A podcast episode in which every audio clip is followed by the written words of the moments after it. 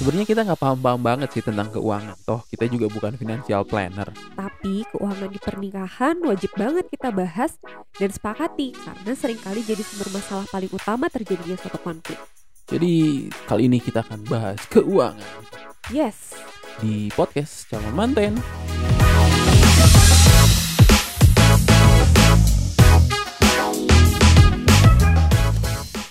Oke, nih ngomongin keuangan ya. Sebenarnya kalau menurut kamu peran suami dan istri dalam konteksnya atau dalam urusannya keuangan di keluarga tuh kayak gimana sih?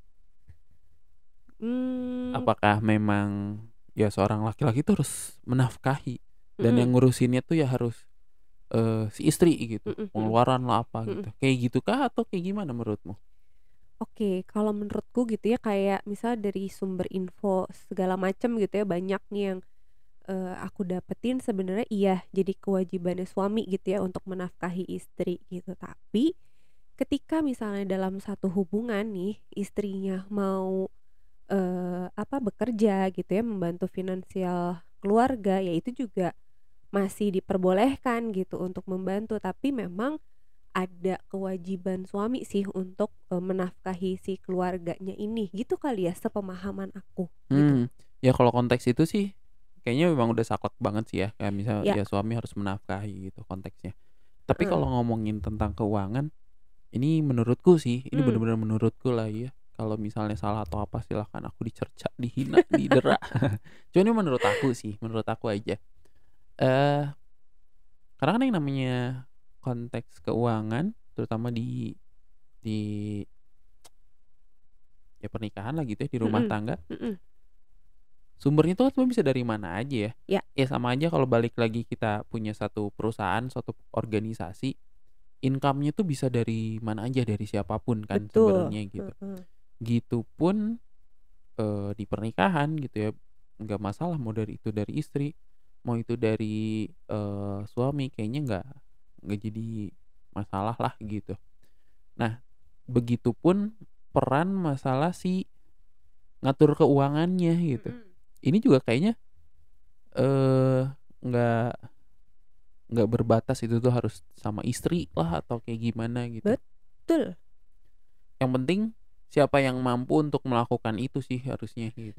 Iya dan sekarang kan nggak apa nggak nggak nutup kemungkinan juga gitu ya maksudnya dengan kondisi masing-masing keluarga yang berbeda gitu ya.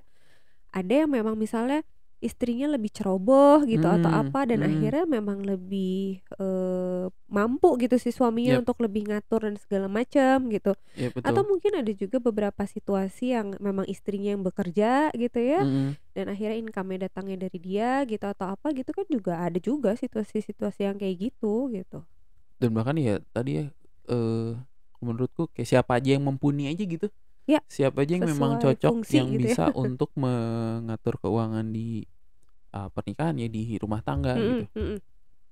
ya nggak selalu istri bisa nggak selalu cewek itu bisa ngatur duit dengan bijak, Bijak, sebenarnya betul, gitu bisa betul. jadi dia ya udah aja keluar gitu aja gitu kan Heeh. belanja juga ya sebelanjanya aja gitu nggak jadi nggak jadi yang memang bijak dalam keuangan gitu jadi menurutku kalau untuk konteks keuangan juga kayaknya nggak ada beda ya konteks menafkahi sama konteks keuangan menurutku beda gitu ya ya kalau menafkahi ya udahlah itu memang jadi kewajibannya eh suami gitu kan ya. Ya. Tapi kalau misalnya masalah keuangan siapa pun yang mumpuni di sana yang bisa dengan bijak megang keuangannya eh, keluarga ya kenapa enggak sih sebenarnya gitu. tuh Nah, cuman tadi di awal disinggung. Kayaknya kalau kita ngobrol sama teman-teman kita yang sudah menikah finansial tuh jadi salah satu masalah terbesar gitu loh di di keluarga ya nggak sih? Ya atau sih banyak banget lah gitu. Duh ini kayak mengeluh tentang banyak pengeluaran mengeluh tentang banyak eh ya hal-hal yang sensitif lah gitu masalah duit gitu kan di keluarga dan. Tahu sih kamu nemuin juga gak sih konflik-konflik itu yang kalau misalnya dari teman lah dari siapa gitu tentu sering banget kayaknya banyak yang curhat banyak yang cerita sharing gitu ya terkait masalah finansial tuh akhirnya ya jadi permasahal per permasalahan yang sering banget sih muncul dan jadi mhm mhm. konflik antar pasangan gitu. Bahkan banyak juga loh yang akhirnya bercerai karena masalah finansial tuh banyak Betul, banget, betul sih, banget gitu iya. kan. Aku nggak bisa beli Balenciaga, aku nggak bisa beli, eee, Dior gitu. Atau misalnya skincare-nya nggak terpenuhi Iya, banyak, kan ada sebenarnya yang sampai yang kayak gitu-gitu juga kan gitu. Ya bener gitu, jadi banyak konflik yang sebenarnya muncul dari ya tadi masalah finansial, kayak misalnya nih ya, eee, perkara gaji kecil, Mhm. ya kan, gaji kecil terus misalnya kebutuhan tidak terpenuhi, itu bis bisa banget jadi konflik. Terus, mmm, ini banyak banget sih kalau misalnya di kalau aku suka suka ngedengerin tentang ya financial planner atau apa gitu ya, yang harus dipersiapkan sebelum menikah itu adalah memastikan pasangan tuh punya hutang apa enggak. Itu jadi itu jadi salah mhm. satu poin penting sih biasanya gitu. iya iya. Karena, eee, banyak juga yang masalah hutang tuh jadi konflik juga tuh di rumah tangga gitu. Karena jadi karena jadi nambah beban yang tidak pada tempatnya gitu ya, maksudnya Mhm bukan mhm. aku yang menikmati tapi aku harus menanggung gitu ya, iya. Betul, ada ada yang kayak gitu juga gitu kan. Terus ya masih mending misalnya dita tahunya di awal-awal, ini tahunya di akhir-akhir yang memang hutangnya udah jadi gede banget. Heeh. Itu kan makin-makin ya gitu si konfliknya tuh gitu. Terus, eee, ada juga masalah-masalah yang sebenarnya secara finansialnya sih nggak ngaruh-ngaruh banget ya. Mhm. Tapi secara perasaan itu tuh, eee, ada tuh konflik.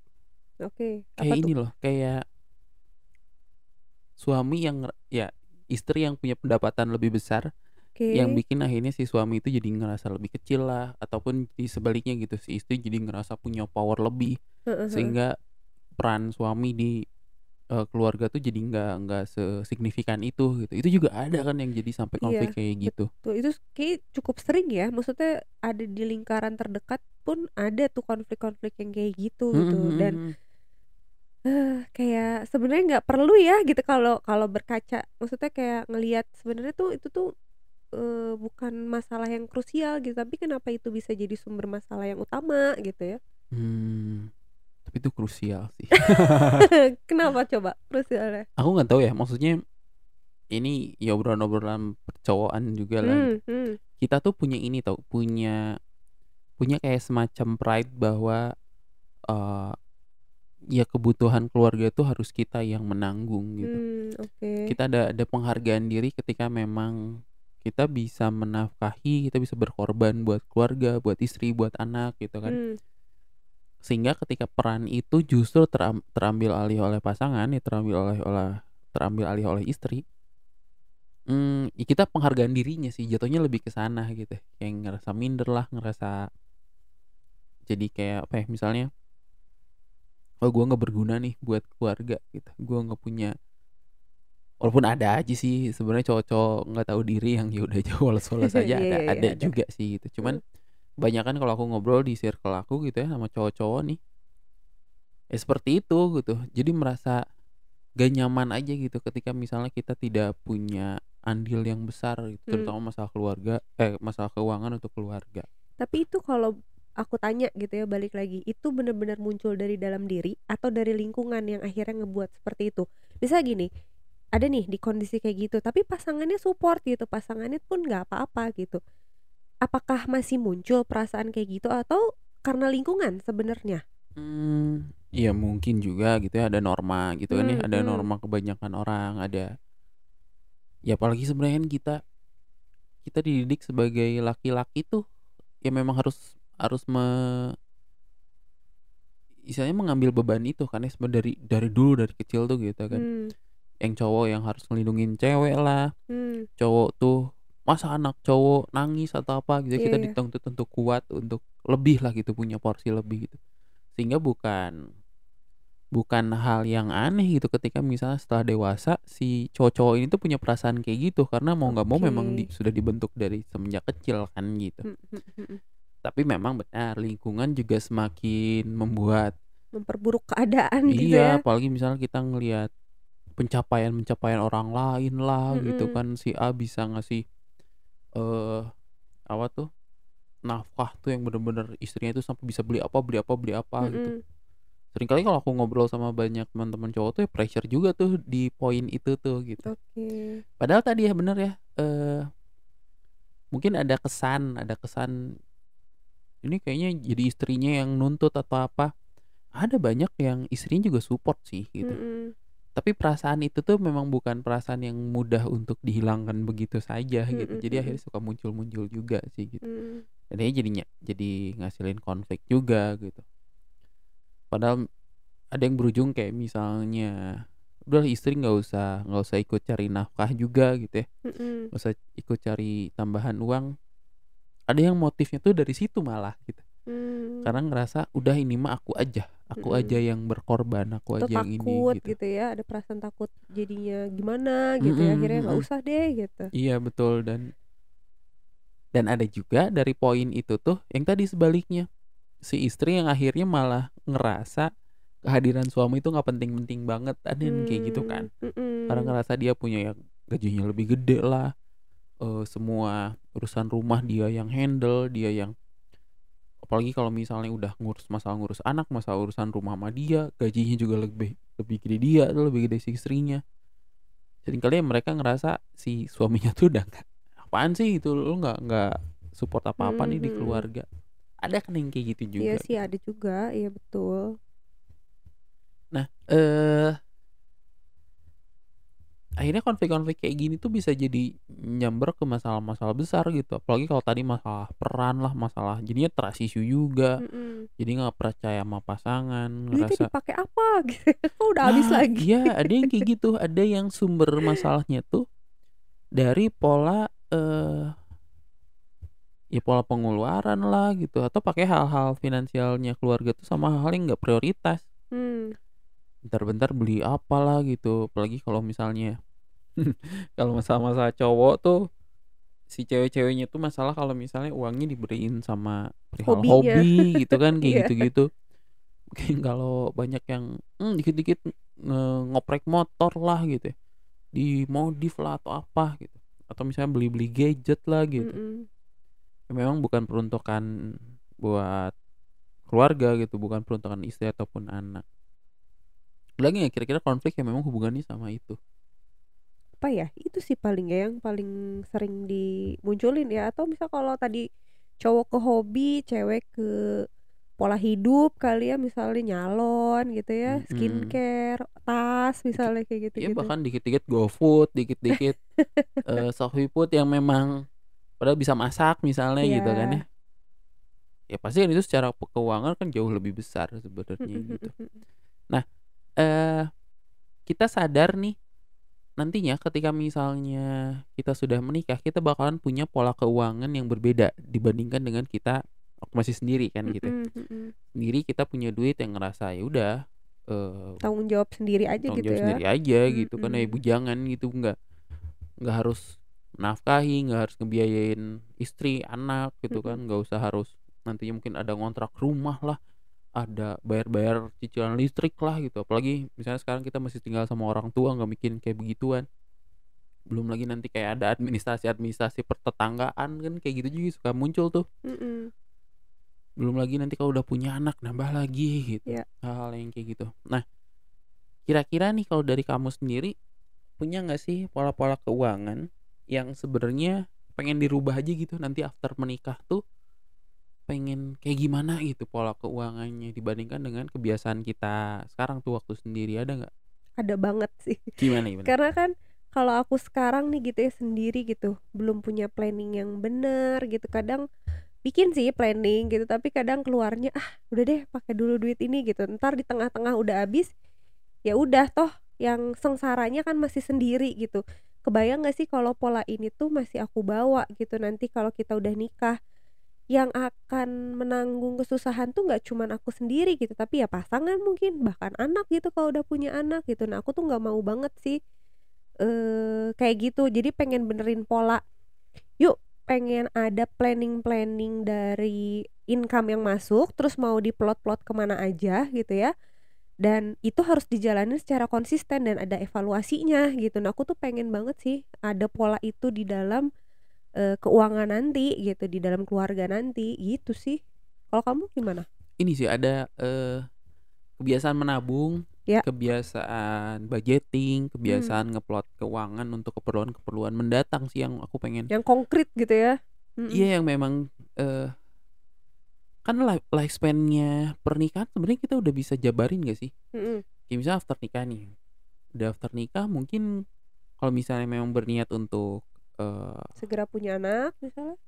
atau bahkan sebelum ke sana tuh lebih Mhm. ke, oh pisah rumah dulu misal Oh, sama oke. sama orang tua, entah itu Mhm. ngontrak, ngekos, atau apa pun itu. Ada slot ke sana. Apalagi nanti kalau udah punya anak tuh, kan udah jelas ya harus ada biaya persalinan, ya bahkan sebelum persalinan juga ya ke dokternya, pengobatannya, Iya. apanya gitu, kontrolnya. Fase hamilnya lah gitu ya? Mhm, gitu. Ada itu tuh pengeluaran yang memang udah pasti ada muncul gitu. Ya. Terus belum nanti misalnya ya kalau urusan anak aja udah banyak banget sih. Kayak ya jajannya lah, ya nanti sekolahnya lah, ya nanti Kesehatannya. lah gitu. Eee, belum ya perihal ya kebutuhan-kebutuhan dasarnya, eee, pangan, sandang, ya papannya gitu kan, banyak banget gitu untuk urusan itu. Sehingga kalau misalnya itu cuman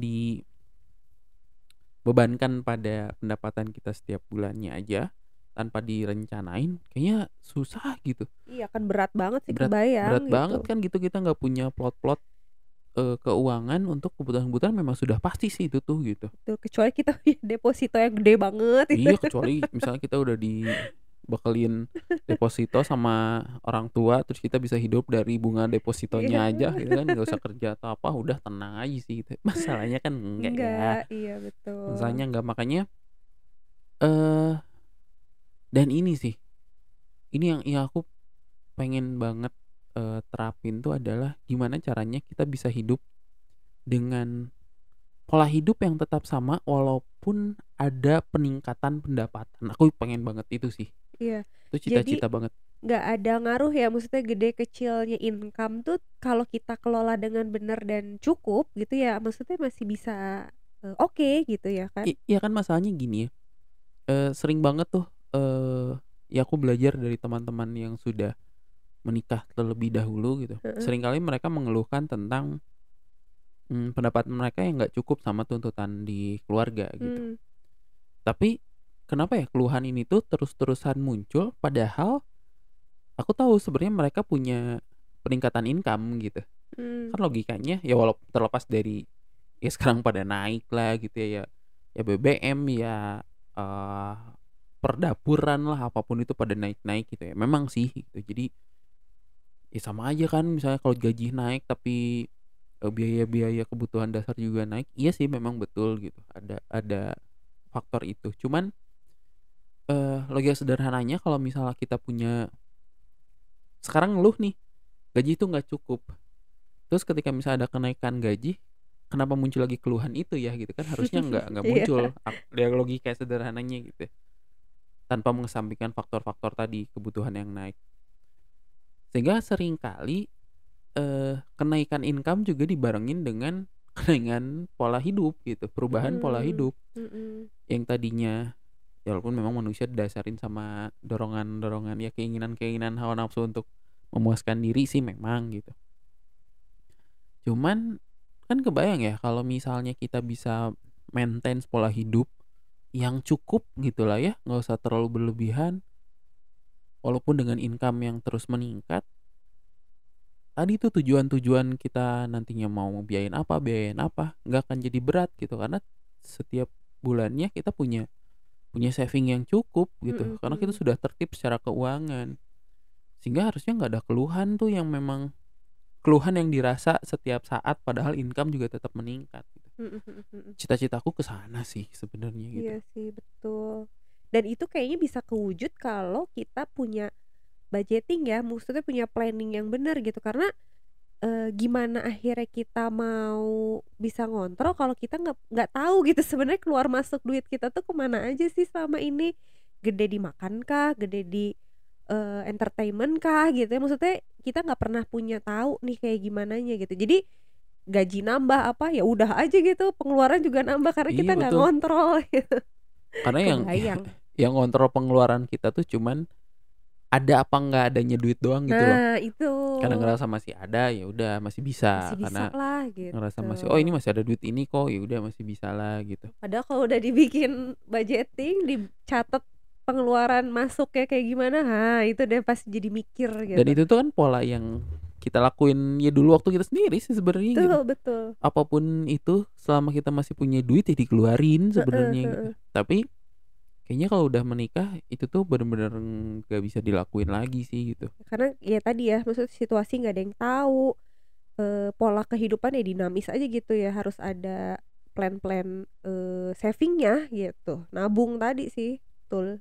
Iya, makanya dari bahkan dari sekarang sih ya, sebelum kita menikah, ya walau dan memang ada gitu ya, ada budgeting untuk menikah juga memang sudah kita pikirkan, sudah kita pisahkan, tapi justru kebiasaannya, balik lagi ya, kebiasaan untuk mengatur keuangannya itu jauh akan jauh lebih mudah nanti ketika menikah, ketika memang kita sudah biasakan dari sekarang. Mhm. Ya contohnya aja misalnya kita ya balik lagi ya, kita tuh kita bukan, eee, financial planner yang ngerti banget gitu ya, cuman ya ya suka nonton-nonton, suka baca-baca dan coba kita praktekin ya sebisanya kita gitu dan sesanggupnya kita ngebentuknya kayak gimana. Cuman sekarang kita lagi belajar untuk ya tadi ya, Mmm. mulai budgeting gitu. Iya. Mulai bikin budgeting setiap bulannya, minimal dengan pendapatan kita masing-masing dulu aja gitu, bahwa, Mhm. "Oh ini tuh sekian rupiah buat apa sekian rupiah buat apa." Ya kalau misalnya budgeting itu udah udah nggak ada, ya nggak boleh melakukan itu gitu. Mhm. Terus sudah ada tertib secara saving-nya sendiri. Dan bahkan ada kalau yang aku sering baca tuh kita perlu banget punya tujuan keuangan gitu loh. Mhm. Tahu nggak? Iya, kayak kita nabung tuh pengen apa gitu, harus ada tujuannya nih Ya gitu. git kita mengalokasikan keuangan tuh untuk untuk apa gitu Iya. nantinya gitu. Jadi nggak cuman ya udah ditabung aja deh tanpa nggak tahu buat apa gitu Mhm kan. mhm. Mhm. Bahkan bener-bener sampai yang target target nominalnya kita bisa tentuin juga tuh dari situ gitu. Iya iya. Kita nggak, eee, planning untuk misalnya nantinya puna punya anak di berapa kayak gitu, ya belum belum bener-bener detail di-planning-in gitu ya. Tapi slot untuk ya nanti biaya persalinan atau apa, better banget sih kalau misalnya udah kita sisihin justru dari sekarang gitu. Iya betul. Jadi after nikah tuh mau kayak gimana nih gitu kan, mau langsung punya anak atau enggak, kayak gitu-gitu kan tuh harus harus ya berawal dari plan juga yang kita akan buat gitu. Mhm. Mau langsung pindah rumah apa enggak gitu kan, itu juga balik lagi sama planning si tujuan Betul keuangannya mau betul. ke mana gitu. Betul. Bahkan kayak gini, kayak kita juga bisa mentain justru dari awal, dari bentukan awal, eee, income kita tuh dapatnya dari mana aja. Ya. Ya misalnya kalau kamu kan sekarang kondisinya di ya per bulan lah gitu ya. Hmm. Per bulan kamu dapat gaji gitu kan ya, tapi beda sama aku misalnya memang uangnya, Project, eee, by by project, project gitu kan, terus mhm. belum belum tentu juga besarannya kayak gimana gitu. Nah, dari bentukan itu aja sebenarnya kita punya cara masing-masing untuk untuk mengelola budgeting-nya, untuk Mmm. mengelola tujuan, eee, keuangan ke depannya seperti apa gitu. Karena kan pasti beda lah treatment-nya tuh beda gitu. Nah, eee akhirnya kalau misalnya memang sudah dibiasain, next tuh ya udah enak aja gitu. Kita tuh bisa bisa santai di momen-momen yang pasti nanti gitu ya, dengan uang yang memang sudah ada. Bahkan sesederhana kayak gini lah, kita udah mulai coba membiasakan pajak lah, pajak Mhm. kendaraan gitu ya, pajak kendaraan setiap tahunnya. Kan biasanya langsung tuh misalnya sekian ratus ribu, sekian juta mungkin kalau untuk mobil atau apa. Ketika itu dikeluarkan hanya pad Pada waktu itu pada doang, waktunya aja mhm. Nyekek banget nggak sih gitu? Iya kayak ngedumel gitu ngeluarinnya. Ah, kenapa harus langsung ngeluarin, ih tahun ini tuh harus ngeluarin segini, harus ngeluarin padahal sebenarnya kalau misal kita bisa ngeba ngebagi itu justru di setiap bulannya, Bulan, mhm. ketika bulan bayaran pajak tuh Ya ya duitnya udah berat ada gitu, gitu, iya. duitnya udah ada gitu. Kan udah mulai tuh nih budgeting buat, eee, pajak-pajak kendaraan setiap bulannya udah kita kita ada, setiap bulannya ada ada ada nabung Dan bisa nabung nabung ya nabung. itu kan. Itu kan udah jelas kan, itu tuh udah jelas setiap akhir tahun, ya setiap, eee, tanggal harus bayar pajak, ya kita udah ada duitnya tuh yang kita kumpulin dari setiap bulannya. Sesederhana itu sih sebenarnya. Dan kalau misalnya hal-hal yang kayak gitu bisa kita atur, konflik-konflik yang tadi tuh seharusnya bisa minim sih gitu. Karena kita juga sadar akan keuangannya, sadar peruntukannya, Ya. sadar penggunaannya, dan yang paling penting tidak mengubah pola hidup sih gitu. Itu sih ya. Kadang tergoda nih. Duh, income-nya naik kayaknya hmm, sekarang udah waktunya ada ini nih gitu kan itu ya Mm-mm. tergoda. Bahkan untuk kebutuhan-kebutuhan yang sifatnya butuh gitu ya memang bukan bukan cuman kepengen doang, tetap harus diatur sih gitu. Iya. Kapan harus belinya, kapan kapan si barang itu tuh masa barangnya tuh seperti apa gitu. Bahkan kan kita ya mendingan beli barang yang berkualitas sekalian gitu ya walaupun mahal. Tapi jangka waktunya lebih lama ya mending ke sana. Tapi Iya. waktu membelinya juga ya kita eh, bijak gitu. Heeh. Kit- Kayaknya kita butuh ini deh. Ya udah kita bikin eh misalnya nabung untuk sekian bulan biar bulan ke segitu tuh bisa beli barang itu gitu. Iya. Kan bisa dengan seperti itu gitu. dan harapannya sih kayak nyicil-nyicil lah, kredit-kredit kayak gitu sih harapannya sih enggak sih ya Iya gitu. betul. Dan apa ya, sebenarnya tuh ngobrolin tentang keuangan tuh perlu seterbuka itu nggak sih antar pasangan gitu dan eh, akan seru sebenarnya kalau kita tuh ngebahas dengan perasaan terbuka gitu ya, Mhm, terus mhm. bisa saling ngingetin satu sama lain, bisa saling support gitu. Kadang kita bingung nih sama eh, masalah yang ada gitu, nggak tahu nih jalan keluarnya gimana.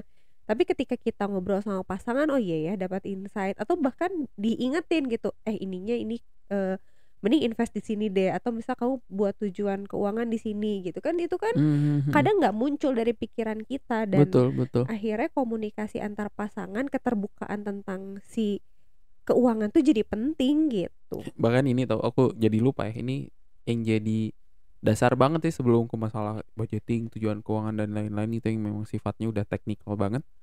Perihal ini sih, perihal eh, prinsip duit di keluarga tuh kayak gimana? Hmm. Kayak ini duit suami itu duitnya siapa nih? Ini duitnya Iya. istri itu duitnya siapa nih? Iya iya duitnya benar itu ya.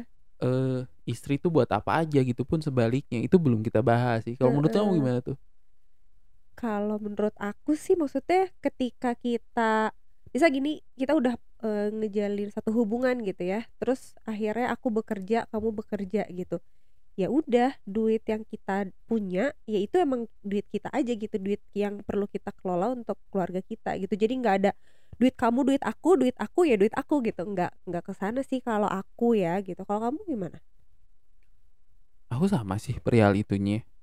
Cuman kalau balik lagi ke po- pola awal yang tadi, aku juga adalah salah satu pria yang punya pride yang sama seperti yang tadi di awal sempat dibahas lah gitu bahwa kebutuhan keluarga tuh harapannya ya aku aja yang support itu gitu. Sehingga sebenarnya aku sempat ngobrol sih eh kayak urusan rumah, urusan apa mah dari aku lah gitu. Mm-mm. Kayak masalah listrik lah, masalah apalah gitu. Itu da- dari aku aja gitu. Biar apa? Biar harga diri akunya tuh ada gitu dan ya Mm. udah tapi kalau misal urusan-urusan yang lain aku sepakat sih bahwa memang ada ada uang bersama di situ is okay Mm-mm. is okay banget gitu bahkan kalau misalnya nantinya urusan anak barangkali atau apa gitu masih masih mungkin banget untuk berbagi peran keuangan di sana gitu karena Mm-mm. karena itu jadi kayak tanggung jawab bersama gitulah gitu tapi kalau misalnya untuk kebutuhan rumah yang konteksnya memang menafkahi aku sih kayak pengennya ya itu dari dari aku aja gitu Iya. Tapi kadang ada juga sih yang akhirnya jadi konflik karena tadi nggak keterbukaan si duit aku, duit kamu, nah itu tuh nggak saling mm-mm. terbuka satu sama lain dan betul akhirnya betul itu yang bakal jadi masalah juga nggak sih iya sebelum tadi balik lagi duit kamu, duit aku nggak sih atau kayak Mm-mm, gimana mm-mm, itu mm-mm. balik lagi basic awalnya keterbukaannya dulu. Iya statusnya iya status uangnya tuh gimana gitu Iya ini ada uang betul. segini tuh uang siapa ya itu uang buat apa ya gitu. Uangnya kayak gimana itu memang harus di harus diklaim gitu. Ya. karena kadang ada yang kayak misalnya suami bekerja gitu ya, istri di rumah. Jatuhnya tuh ya udah ngasih sekian juta ke istri gitu. Buat urusan rumah atau apa udah aja gitu gitu. Cukup nggak cukup pokoknya itu udah aku kasih misalnya gitu. ada yang ada yang kayak gitu atau misalnya nggak nggak seketus itu juga cuman ngasih gitu. Tapi totalannya istri nggak pernah tahu ada kan yang kayak gitu juga gitu. Eee Dan kayak itu akan jadi konflik Itu juga akan nggak sih? konflik gitu ya, Iya. maksudnya ada berarti kan ada ketidakterbukaan sih Heeh sebenarnya di situ gitu, bukan bukan urusan privasi sih kalau kalau itu ya, kalau menurutku. Jadi hal itu juga perlu disepakatin sih sebelum menikah bahwa konteks keuangannya juga mau kayak Mau kayak gimana. gimana, betul. Dan balik balik lagi ya kalau ngomongin tentang kesepakatan nggak ada yang bener, ya nggak sih? Heeh. Sorry, nggak ada yang paling bener. Iya, harus disesuaikan aja sama kondisi masing-masing ya. Iya, kalau misalnya memang udah semuanya sama suami gitu ya, udah kamu kamu punya uang ya udah itu uang kamu aja, wah itu istri happy lah itu kalau udah kayak gitu. Semua kebutuhan kamu tinggal minta. Ada yang kayak gitu dan disepakatin kedua kedua belah pihak, ya oke gitu kan. Tapi ada yang misalnya memang ya sepakat juga untuk berbagi eh uang ya udah ini mah uang bersama lah nggak usah hitung-hitungan entah itu gajinya gedean siapa gedean siapa nggak jadi masalah jadi duit bersama itu disepakatin ya oke juga Iya. gitu Beda lagi kalau yang ini nih kayak misalnya eh punya uang besar gitu ya, emang Mhm. misalnya kamunya udah kaya banget gitu, terus Mhm. akunya juga udah kaya banget atau sebaliknya kamu kaya banget aku enggak gitu.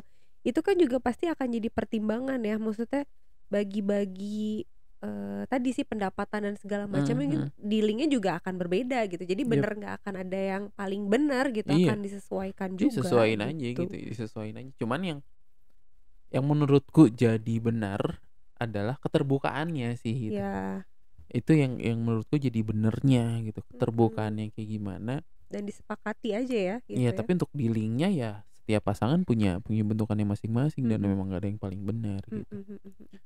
gitu dan mm, ini yang memang kita lagi pelajarin gitu ya Mhm. kita lagi pelajarin kita kesepakatannya mungkin udah gitu Mhm. tapi belajar polanya yang memang lagi lagi Iya, kita betul. bahas banget kan gitu Mhm. gimana caranya tidak meningkat tidak meningkatkan pola hidup yang